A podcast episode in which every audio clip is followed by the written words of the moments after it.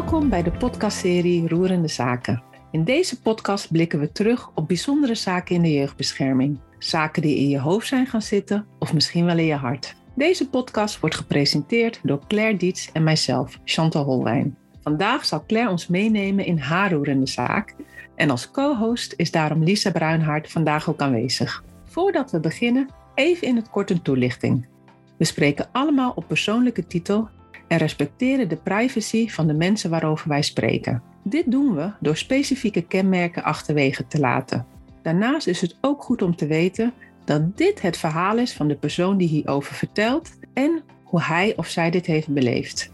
Nou, dan rest mij niks anders dan te vragen aan Claire en Lisa of zij ook gereed zijn voor een nieuwe aflevering van Roerende Zaken. Lisa, ben je ready? Ik ben er helemaal klaar voor. Claire, are you ready? Ik geloof het wel. Oké.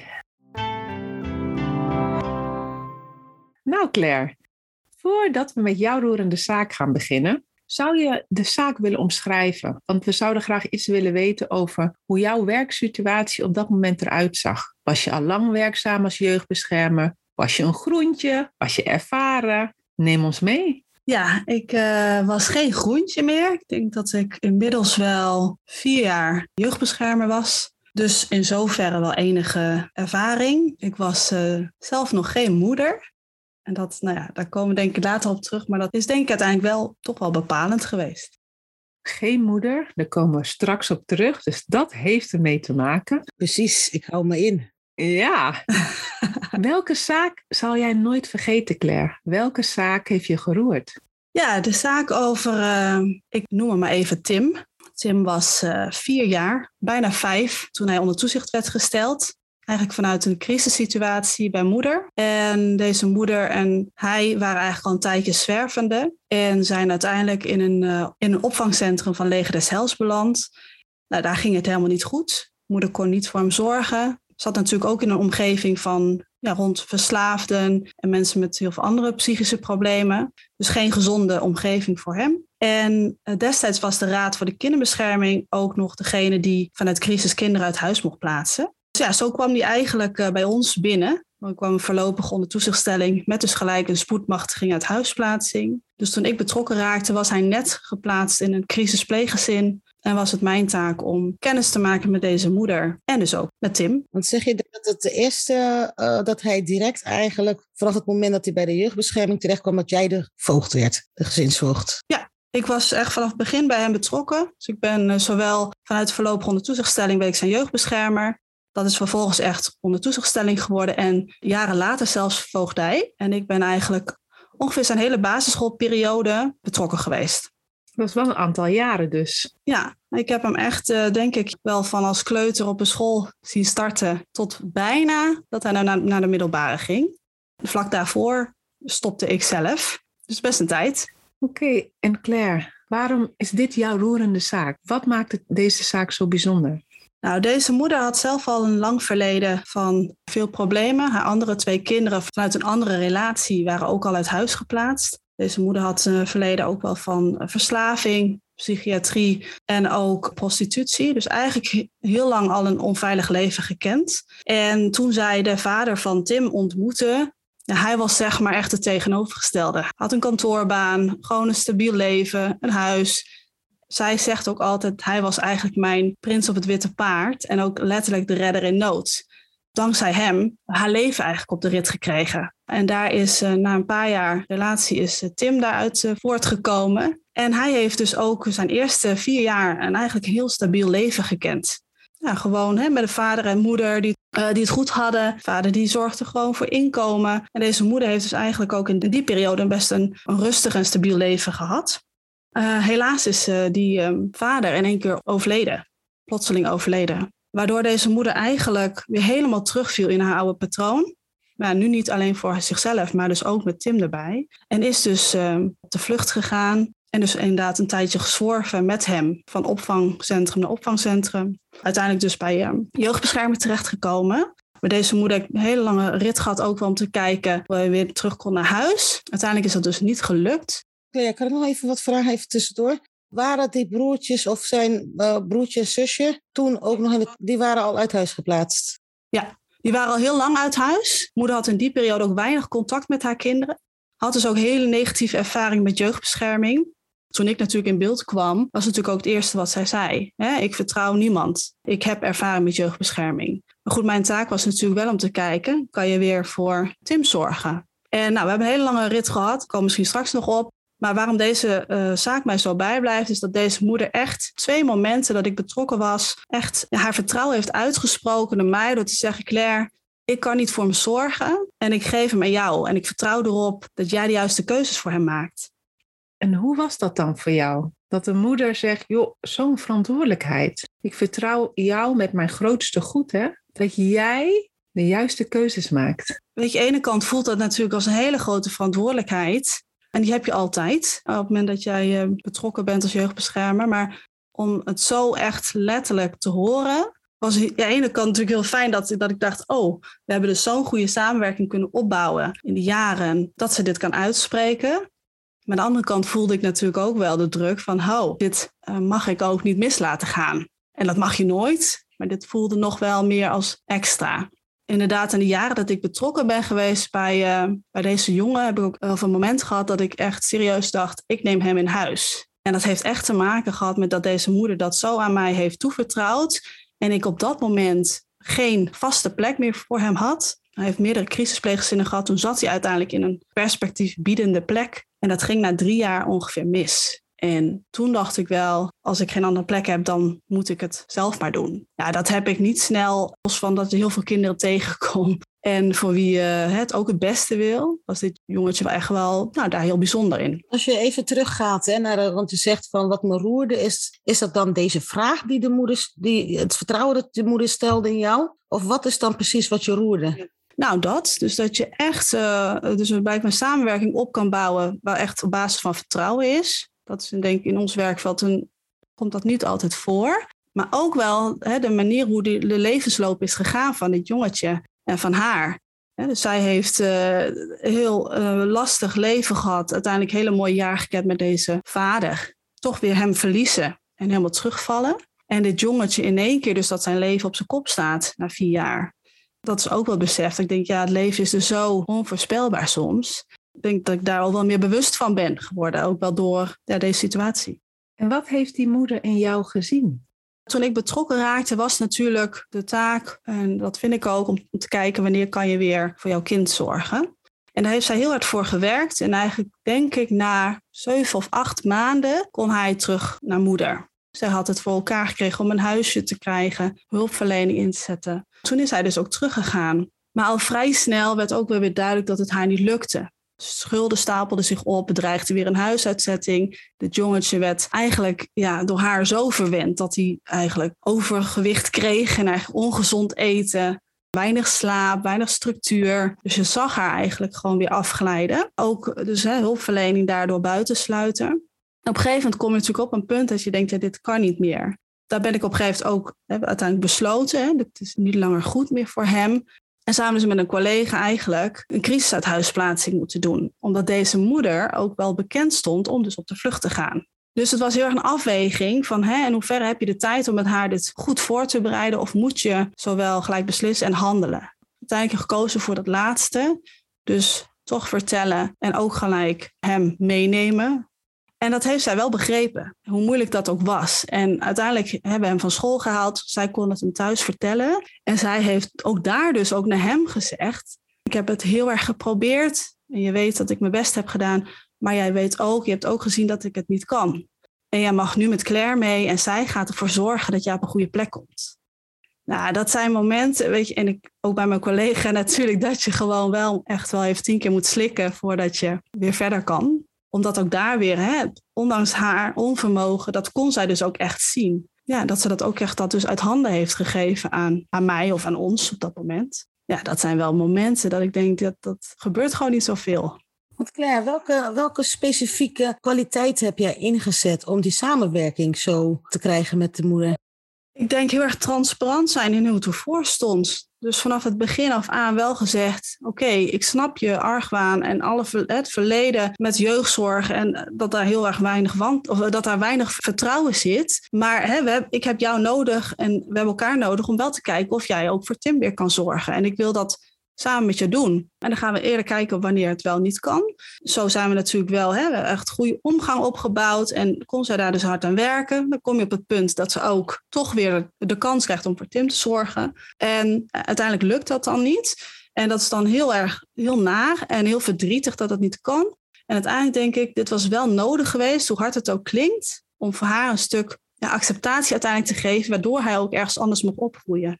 En ook voor hem. Dat hij ook heeft gezien, mijn moeder heeft echt uh, in alles geprobeerd. En, en mijn moeder heeft vertrouwen in jou. Zij spreekt het vertrouwen uit in jou. Ja. En je zei ook, joh, jullie moesten een paar keer wel wegslikken. Hoe voelt het op dat moment dat Tim daar staat en een moeder zo kwetsbaar legt haar kind in jouw handen? Ja. Neem ons mee naar dat moment. Dat is gewoon heel emotioneel. Weet je, dat is heel verdrietig, want je ziet gewoon het onvermogen en de pijn en het verdriet van deze moeder. En ook van dit, van dit jongetje. Die was echt gewoon natuurlijk ontroostbaar. En toch stapt hij dan, gaat hij met mij mee in de auto. Eigenlijk op basis van wat zijn moeder zei. Hè? Je mag gaan, het is goed zo. Ik kan het niet anders omschrijven dan dat het gewoon heel emotioneel is. En dat, dat het ook heel bijzonder is dat je dus zo'n vertrouwen hebt kunnen opbouwen in het werkveld van gedwongen jeugd, hè, van gedwongen hulpverlening. Vaak wordt gezegd er zoveel wantrouwen en, en, weerstand. Ja, en als je dat dan lukt om zo'n samenwerking te creëren met elkaar, dat vind ik gewoon heel, heel bijzonder. En dat, nou ja, maar ik, tenminste heb ik niet in die mate zo meegemaakt dat iemand, dat een ouder echt tot twee keer toe, ook op een laatste moment, jaren later, dat echt zo expliciet uitspreekt. Maar wat zeg jij dan? Wat heb jij tegen dat jongetje gezegd die braaf, vol vertrouwen, want als mijn moeder jou vertrouwt, dan vertrouw ik jou ook. Maar ook tegen die moeder. Wat heb jij gezegd toen? Dat is wel heel lang geleden, dus ik weet het eigenlijk niet meer zo. Maar zeker wel gezegd van, hè, nou, ontzettend knap dat je dit zo kan. Maar wel ook tegen hem gezegd, weet je, ik ga echt mijn uiterste best doen om voor jou een goede plek te vinden. En dat, dat je mama nog steeds kan zien op de momenten ook dat zij dat kan. Maar je weet ook, mama kan niet voor je zorgen. Dat heeft ze net uitgelegd. En wij gaan ervoor zorgen dat jij op een goede plek terechtkomt. Je hebt haar eigenlijk in haar positie gelaten. Je hebt deze moeder niet veroordeeld. Nee, uh, maar zo voelt het voor mij ook niet. Ook niet als ik nu terugkijk. En dat vind ik ook een andere vorm van moederschap. Deze moeder heeft dus, in mijn oog, is een zo'n goede moeder, omdat zij haar onvermogen heeft erkend. En daar kunnen we van alles van vinden, of dat wel of niet, ze er hard voor heeft gevochten, of omdat er iets anders had moeten gebeuren, dat ze het misschien wel kon, weet ik allemaal niet. Maar zij heeft naar haar vermogen geprobeerd en uiteindelijk erkend, ik kan het niet ja, dat vind ik ook gewoon een hele, eigenlijk toch weer een mooie vorm van goed moederschap. Want weet je hoe de situatie er nu uitziet, Claire? Nou, nu niet, want inmiddels is deze uh, jongen ook uh, meerderjarig. Ik heb dus toen afscheid genomen van hem toen hij op acht zat. Twee jaar later ben ik weer als jeugdbeschermer begonnen. Toen was ik niet meer zijn voogd, maar wel een, een collega van mij wel. Natuurlijk vroeg ik haar nu, hoe is het met Tim? Ik zei altijd, hij was een beetje mijn zonnetje in mijn caseload. Zijn moeder had wel contact, dus af en toe vooral WhatsApp, bellen. Dat was eigenlijk ook het enige soms wat zij gewoon kon. Soms was ze dan een jaar gewoon helemaal niet in beeld. En soms kwam ze gewoon heel vaak en dan was er een paar keer een omgangsmoment. En dat was al lange tijd zo dat het heel onvoorspelbaar was. En uiteindelijk ook vooral met hem daarop gezeten van hey, dit is ook gewoon wel hoe jouw moeder is. En wat heb jij nodig om daarmee om te gaan? Daar heeft hij zeker dankzij zijn gezinshuisouders, waar hij uiteindelijk terecht is gekomen, ontzettend fijne plek. Die hebben hem daar natuurlijk in gesteund en hem erbij geholpen. Waardoor hij op goede manier, of in ieder geval goed genoeg, daarmee om kon gaan. En goed door school is gekomen, zijn jeugd, een ontzettend fijn dorp, zeg maar, is opgegroeid. Daar had hij gewoon een heel goed netwerk. En zijn gezinshuis is gewoon zijn familie geworden. Dat is nu nog steeds zo. Over, over netwerk gesproken, hè? Hoe, in je hele beschrijving hoor ik eigenlijk vrij weinig over zijn netwerk. Ja. Hoe ben je daarmee omgegaan? Of hoe heb je hem in zijn netwerk kunnen houden of juist niet? Nou, in het begin eh, was dat helemaal niet zo. Deze moeder gaf ook aan, er is helemaal niemand. En uh, de familie van vader wilde helemaal niks met haar te maken hebben, met Tim niet. Dus dat was helemaal eigenlijk niks. Daar hebben we eigenlijk ook, uh, denk ik, de eerste jaren, als ik dan terugkijk, wat had ik anders kunnen doen? Hebben we dat ook zo gelaten? We waren heel erg bezig, denk ik, ook met deze moeder en het jongetje. Na een paar jaar inderdaad kwam die familie, die zocht contact. En die gaven dus aan van, hé, hey, we zijn eigenlijk al heel lang op zoek naar hem. Uiteindelijk hebben we contact met zijn familie eh, gelegd. Ben ik uiteindelijk samen met de gezinshuismoeder, hebben kennismaking gepland.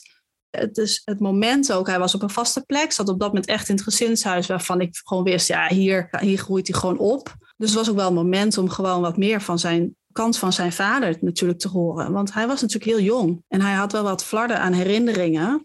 Nou, zijn moeder kon het hem verder niet vertellen. Of was het alleen maar haar verhaal. Dus we hadden wel zoiets. Hij heeft ook recht om inderdaad meer te weten te komen over de familie van vader. En uiteindelijk is dat inderdaad het contact echt wel uh, ontstaan. En um, is op een gegeven moment afgesproken dat hij in ieder geval twee keer per jaar ging die daar naartoe. En dan bleef hij ook logeren. Bleek ook dat hij natuurlijk tantes en ooms had en nichtjes en neefjes. En dat is nog steeds zo ja, hij heeft echt wel zijn familie van zijn vader leren kennen. Er kwamen bij hem ook weer herinneringen op van zijn ouderlijk huis. En dat heeft hij heel erg met die uh, kant van vader opgepakt. En hoort hij nog steeds heel veel over zijn, uh, zijn vader, hoe die was. Want wat maakte dat het, dat het in een eerder stadium niet kon of niet lukte om daar een plek in dat systeem, hè, dat gezinssysteem van zijn vader? Nou, ik denk echt, om eerlijk te zijn, dat we ons daar niet op hebben gefocust toen. Dat het heel erg om moeder ging en haar, kijken hoe zij het kon, wat ze nodig had. En zij had vanuit haar familie helemaal geen contact. Ik denk ook als ik daar terugkijk dat ik daar te weinig op in heb gestoken. Om te kijken wat zit er aan de andere kant. Ja. En uiteindelijk heeft hij wel de ruimte gekregen om zijn eigen wortels te ontdekken, zijn roots. En mag hij wortels schieten in het gezinshuis. Ja, zeker. Ja. Mooi. En dit gezinshuis was ook een tijdje zijn crisispleeggezin. Uh, was hij een stuk jonger. Toen is hij daar dus weggegaan doordat hij naar een pleeggezin ging, waar hij eigenlijk dus perspectiefbiedend dus lange tijd kon blijven wonen. Daar is het na drie jaar ongeveer misgegaan. Nou, toen moest hij weer naar een crisispleeggezin. En toen hoorde ik dat zijn vorige crisispleegouders, waar hij het heel fijn had, inmiddels gezinshuis waren geworden. En nou, toen heb ik hun eigenlijk via via benaderd van, hey, uh, ja, Tim heeft een plek nodig. Ik weet dat jullie gezinshuis zijn geworden. Ik denk dat het een hele passende plek is. Nou, toen was het echt nog wel weer wachtlijsten, wachtlijsten. Hè? Maar toen was het nog wel zo dat gezinshuisouders zelf hun keuzes konden maken. Welk kind nemen wij op in ons gezin? Dat was eigenlijk natuurlijk heel erg uh, mazzel. Want zij hadden inderdaad één plek. Er zaten drie kinderen waar ze uit moesten kiezen. En nou, hebben ze toch voor Tim gekozen, omdat ze dus ook met hem al een, ja, een verleden hadden, zeg maar, of hem al kenden. Ja, en dat was voor hem eigenlijk gewoon ook weer toch wel thuiskomen.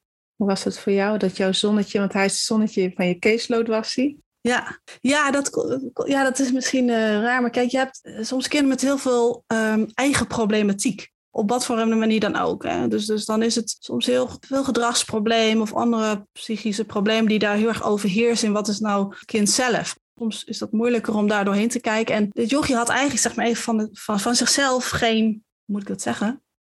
Het lag niet aan hem, dat wat hem is overkomen. Nee, hij is echt zeg maar uh, ja, slachtoffer van de omstandigheden en onmogelijkheden van deze moeder. Maar daardoor bleef hij eigenlijk een hele gezonde ontwikkeling houden. Kon je ook zien hè, dat hij de eerste vier jaar dus best een goede basis heeft gehad, waardoor hij zich kon redden. En tuurlijk heeft hij schade opgelopen door plaatsingen. En hè, hebt over hechting en vertrouwen in anderen. Maar ergens heeft hij, dat, heeft hij zo'n goede basis gehad dat hij zich redelijk goed er doorheen heeft geslagen. En nog steeds. En een van de laatste dingen die ik van hem mee heb gekregen was zeg maar toen hij was hij 17. Dus ik was helemaal niet meer betrokken. Maar ik had nog wel contact met deze gezinshuisouder. Nou, toen heeft hij zijn diploma gehaald, middelbaar. Was hij, had hij ook meegedaan met een soort wedstrijd. Uh, een soort landelijke wedstrijd. Was hij tweede geworden. Ja, weet je, dan als ik dat hoor, dan ben ik gewoon wel heel trots. Gewoon dat ik denk, nou, je hebt het gewoon toch. Je doet het gewoon, weet je. Dat, ja. ja, dat zeg ik. Dat is toch een beetje ja, het zonnetje van mijn caseload geweest. Nog steeds. Hij is nog steeds. Uh... Nog steeds. Nee, weet je, Claire, wat ik me dan afvraag, is allemaal terugredenerend, hè? Zou het kunnen zijn dat hij, doordat hij toestemming van zijn moeder heeft gekregen, zijn moeder had vertrouwen in jou, dat jij een goede plek voor hem zou vinden, omdat het haar op dat moment niet lukte, dat hij daarom ook vertrouwen in anderen, dat hij daar op anderen heeft durven vertrouwen. Ja, dat denk ik wel. En zij heeft ook, dat vind ik dan ook zo knap, hij is toen natuurlijk in dat pleeggezin terechtgekomen waar hij eigenlijk vast zou opgroeien, laat ik dan zo zeggen. Dat was het idee.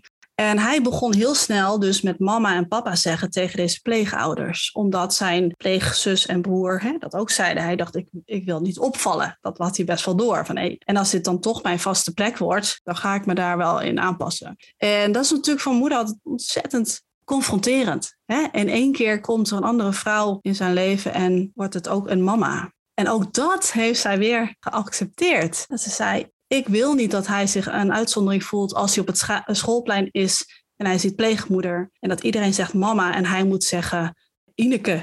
Zo heet ze niet, ik neem even naam. Dus ook dat heeft zij weer ja, moeten slikken voor hem. En dus ook bij een omgang had hij gewoon twee mama's.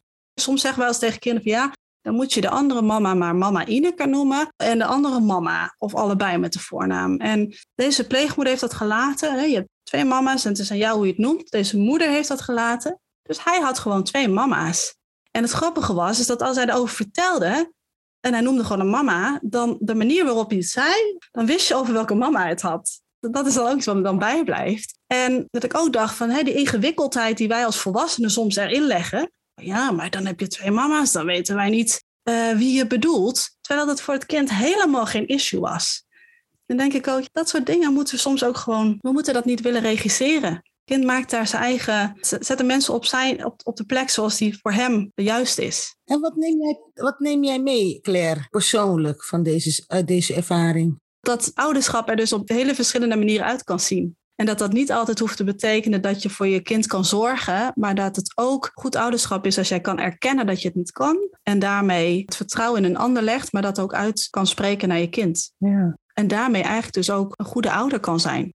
En wat betekent dat dan voor jouw ouderschap, voor jouw moederschap? Want daar begon je eigenlijk mee. Ja, precies. Ik ben moeder geworden, zeg maar, in mijn hele carrière als jeugdbeschermer. Ik ben bijna 13 jaar jeugdbeschermer geweest en ik merk wel gewoon het verschil. En dat is niet dat ik me daar niet in kon leven als toen ik geen kinderen had. En toch sta je, kan je veel concreter natuurlijk voelen wat het is om wel of niet een kind bij je te hebben. Dus een huisplaatsing zette me echt nog wel meer gevoelsmatig natuurlijk neer. Als ik, ik was zeg maar net terug van zwangerschapsverlof. Dat weet ik ook nog heel goed. En ik had daarna vroeg daarop al, of snel daarop alweer een uithuisplaatsing van twee babytjes. Nou ja, dat is natuurlijk wel een hele andere lading voordat ik zelf kinderen had. Wat deze, deze casus, maar ik denk sowieso jeugdbeschermer zijn wel heeft gedaan met mij als moeder, is denk ik dat je niet onbevangen ouderschap kan ervaren.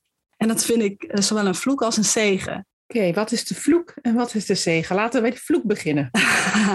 nou, de, de vloek is denk ik dus dat je niet onbevangen kan zijn. Dus je bent toch veel meer, denk ik, aan het reflecteren. Doe ik het goed? We leren heel erg over hechting. En dat bijvoorbeeld de eerste minuten na een bevalling ontzettend belangrijk zijn om die hechting goed neer te zetten. En als dat niet goed gaat, nou ja, dat het misschien dan wel gevolgen kan hebben. Toen het bij mijn kinderen in de eerste dag niet zo goed ging, heb ik ze bijna niet gezien. En dat uh, heeft mij heel lang wel meegespeeld. Dat ik dacht, oh, ik moet dit compenseren, want anders. Dus je gaat heel erg toch vanuit misschien wat te veel theorie, te veel de problemen die je hebt gezien van het jeugdbescherm, maakt dat je dat, dat neem je wel mee. En de andere kant is juist dat ik ook weet. De zegen gaan we nu naartoe. Ja, nou de andere kant is dat je ook weet dat ouderschap dus iets heel bijzonders is. En ten eerste een kind mogen hebben, maar ook voor zorgen dat dat dus niet zo vanzelfsprekend is. Dus dat vind ik ook een zegen. Ik ben mij heel erg bewust dat ik kinderen heb en dat ik daarvoor mag zorgen en dat het goed met ze gaat en dat, dat ze gezond zijn. Dus het reflecteren op je ouderschap is natuurlijk soms, ja, ik vind het soms doodvermoeiend. Doe ik het wel goed? He, sta op de goede weg? Als mijn kinderen wat lastig denken, dan ben ik altijd terug. Oké, moeten wij hier als ouders wat in? Hè? Of zijn het fases? Of, nou ja. Dus je bent heel erg aan het, tenminste ik, ben dan toch wel heel erg aan het reflecteren. En aan de andere kant weet ik ook dat de problemen die wij bijvoorbeeld in de jeugdbescherming kennen, niet over één dag ijs zijn ontstaan. Er moet wel heel veel gebeuren, wil je soms echt in zo'n heftige situatie belanden. Dus dat geeft mij ook wel het vertrouwen dat ik denk, oké, als je een keer fouten maakt, dat is niet zo dat ik dan gelijk een kind heb met een hechtingsprobleem of uh, gedragsprobleem. Dus het is wel heel erg, ja, soms heel erg onnuchterend. Zo van, het kan niet zomaar misgaan. En aan de andere kant is toch ook wel weer ja, je, je ervaringen en kennis meenemen en dat op je eigen ouderschap betrekken. Ja, dan zeg ik, het is een beetje het dubbel gevoel. Had jij het anders gedaan met Tim als je wel moeder was geweest? Dat denk ik niet. Want ik denk echt dat rondom deze moeder alles wel geprobeerd hebben en ingezet hebben om te kijken wat is mogelijk. En ik heb er ook geen spijt van dat zij dat kleine jaartje voor hem heeft gezorgd, waar het toch mis is gegaan. Want ik denk dat dat nodig is geweest. Dus voor het verdere ja, acceptatie toch. En ook voor hem snappen, oké, dat lukt mama echt niet. Dus dat had ik niet anders gedaan. Wat ik wel anders had gedaan, dat zijn we net al, is misschien toch eerder naar de rest van het netwerk kijken. En daar niet uh, vanuit gaan wat deze moeder daarover heeft verteld. Ja. Nou, Chantal, ik wilde precies dezelfde vraag stellen. Sorry. Dus je was er even voor. Dat was eigenlijk ook schot voor open doel, hè? Dat is waar, zeker. Claire, als je terugkijkt, hè, want je bent 13 jaar jeugdbeschermer uh, geweest, onbevangen, kinderloos, naar moeder, babytjes uit huis moeten plaatsen. Tim, zonnetje op je caseload. Nog trots als je over hem vertelt. Wat als je terugkijkt, neem je mee? En je zit niet meer in de jeugdbescherming nu, maar zou je door willen geven aan de nieuwe lichting jeugdbeschermers of collega professionals nog? Ja, wat neem ik dus mee? Dat, dus dat ouderschap er in heel veel verschillende vormen uit kan zien. En ik dat ook zeker mee wil geven aan huidige professionals, maar ook zeker de toekomstige. Dat het heel belangrijk is dat je buiten je eigen referentiekader blijft kijken en blijft toetsen. Hè? Is dit van mezelf of heb ik ook oog waar, waar dus mensen vandaan komen, wat past bij hun? En daar ook eigenlijk geen oordeel over hebben. Uh, of in ieder geval niet naar handelen. Kijk, we hebben allemaal oordelen. We, denken van, we vinden van alles. Hè? Want juist vanuit onze eigen normen en waarden heb je altijd een, um, een mening. Maar het is denk ik wel de kunst om daar niet gelijk vanuit te handelen. En dat ook elke keer te toetsen bij je collega's en andere betrokken professionals. Van, hey, zie ik dit goed? En het gevoel te hebben dat je dat niet alleen hoeft te doen. Mooie, mooie boodschap die je meegeeft. Hè? En daar ben ik ook benieuwd naar. We gaan een beetje ook richting het eind. Hoe heb jij die verantwoordelijkheid? Vind je dat je die goed hebt afgerond? Dat een plekje kunnen geven? Ja, ja, want ik was heel blij dat ik hem over kon dragen aan een collega die ik ook goed kende. Hij heeft ook veel ervaring deze gezinshuisouders kenden haar ook. Dus die hadden een goede samenwerking met haar. Dus het was ook vrij logisch en heel fijn dat zij dat kon. Want daardoor hadden ze ook ja, met een minder aantal jeugdbeschermers te maken. Zij was gewoon een goede, goede opvolger. Dat heeft ze gewoon heel goed gedaan.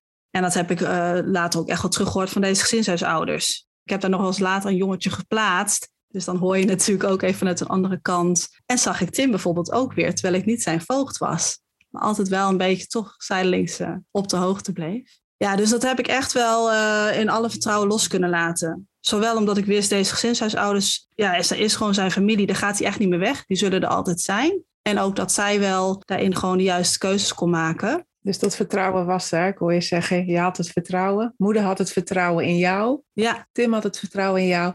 En jij had het vertrouwen in je collega, de gezinshuishouders. Ja, ja heel belangrijk, denk ik, om het los te kunnen laten. Maar zeker gewoon voor, voor een samenwerking. Mooi.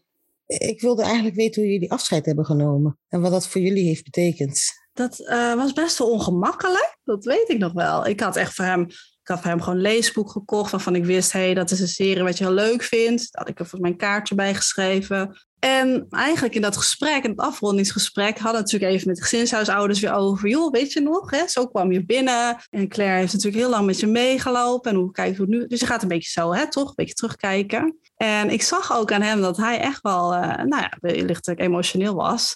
Dus ik moest ook echt wel even ja, slikken, zeg maar. Dat ik dacht, oké, nou wil ik wel echt hè, zeggen dat ik ontzettend trots op, op hem ben. En nou, ik heb hem nou ook echt benoemd. Jij was echt mijn zonnetje in de caseload. Ik wist gewoon, met jou gaat het goed komen. Het gaat goed. Dus ja, het was ook best wel dat ik dacht, oh, het is gewoon jammer dat ik je niet meer kan, kan zien of kan volgen. Ik weet ook nog steeds zijn verjaardag bijvoorbeeld. Dat, en dat weet ik niet van heel veel kinderen, zeg maar. Ja, dus je hebt wel gewoon hele hoge betrokkenheid. Of tenminste, ik heb hele hoge betrokkenheid gevoeld. ik denk dat hij dat ook uh, hopelijk uh, heeft gevoeld.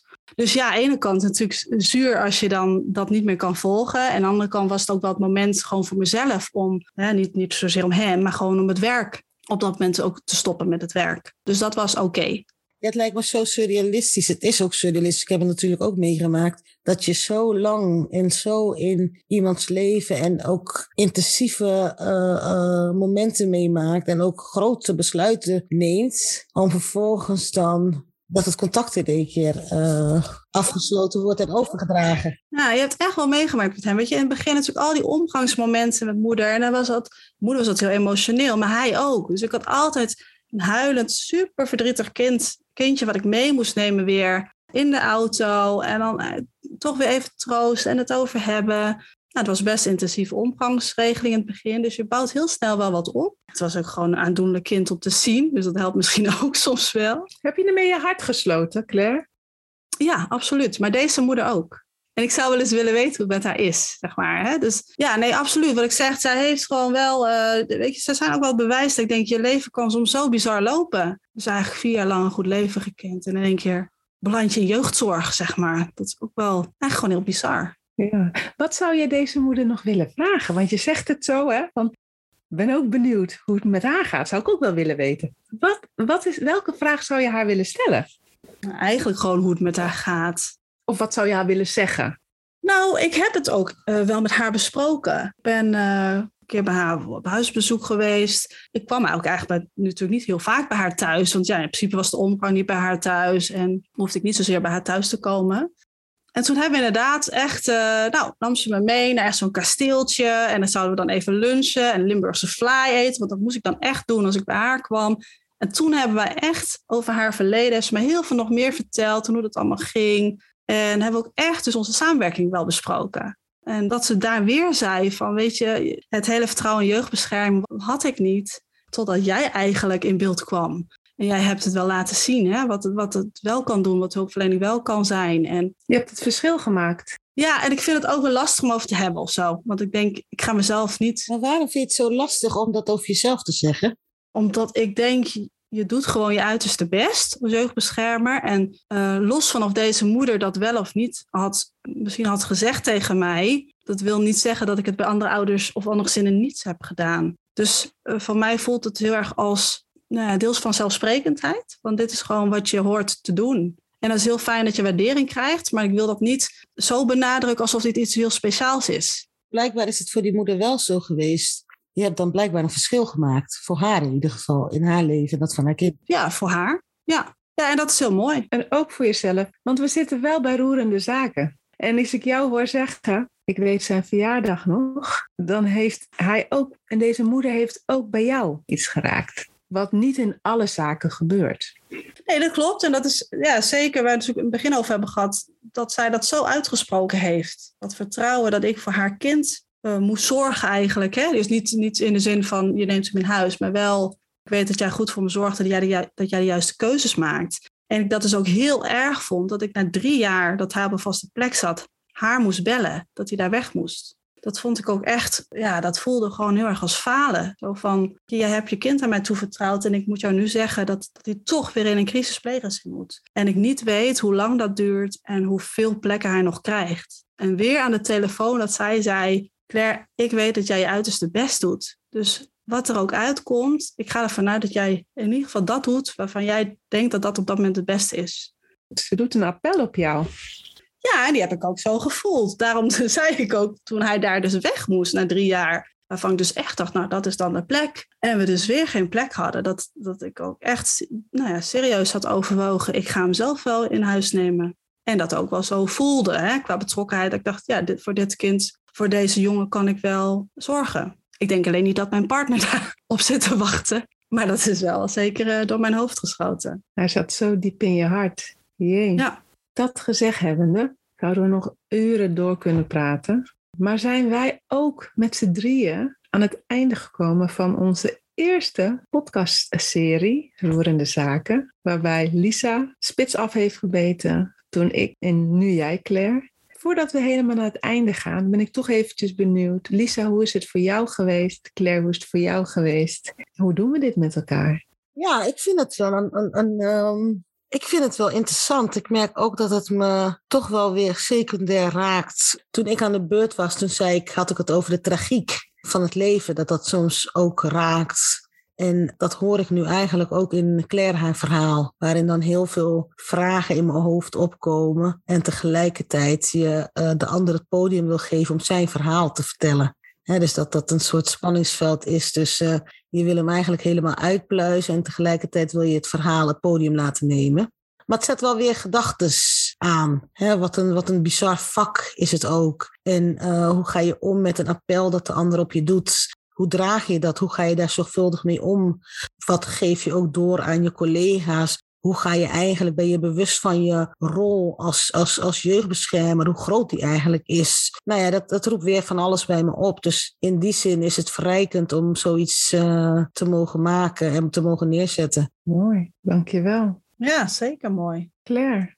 Nou ja, ik denk, sluit me aan bij wat Lisa zegt. Ik denk dat wij met de jaren die wij als jeugdbeschermer, als jeugdbeschermer zijn geweest, dat vak ook gewoon wel in ons, in ons hart zit. En dat hoor ik uit Lisa's verhaal en uit jouw verhaal. En dat merk ik ook altijd als ik daar zelf weer over praat.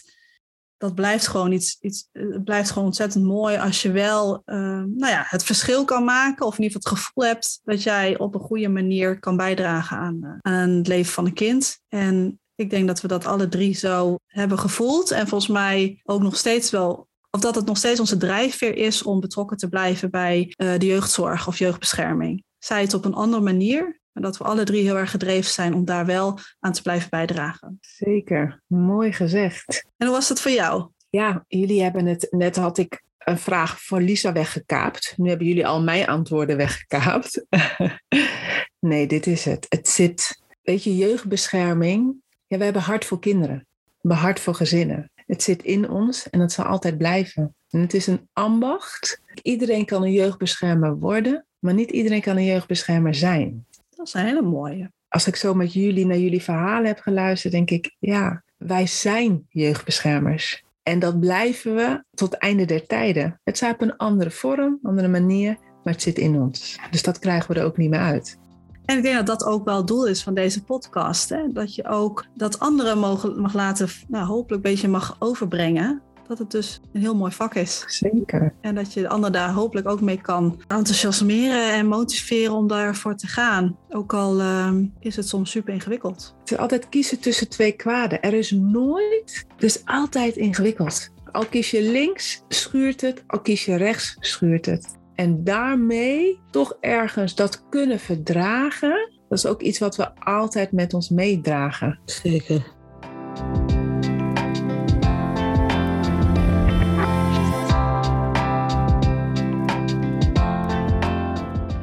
Lieve luisteraars, dan zijn we nu echt, echt aan het einde gekomen van deze aflevering Roerende Zaken. We hopen dat jij opnieuw met veel interesse hebt geluisterd. Deze podcastserie is onderdeel van het platform De Zin en Onzin van Jeugdzorg. Wil je hier meer over weten? Ga dan naar www.zo-jeugdzorg.nl.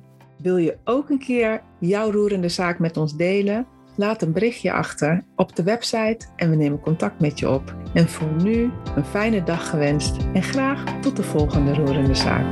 Dankjewel.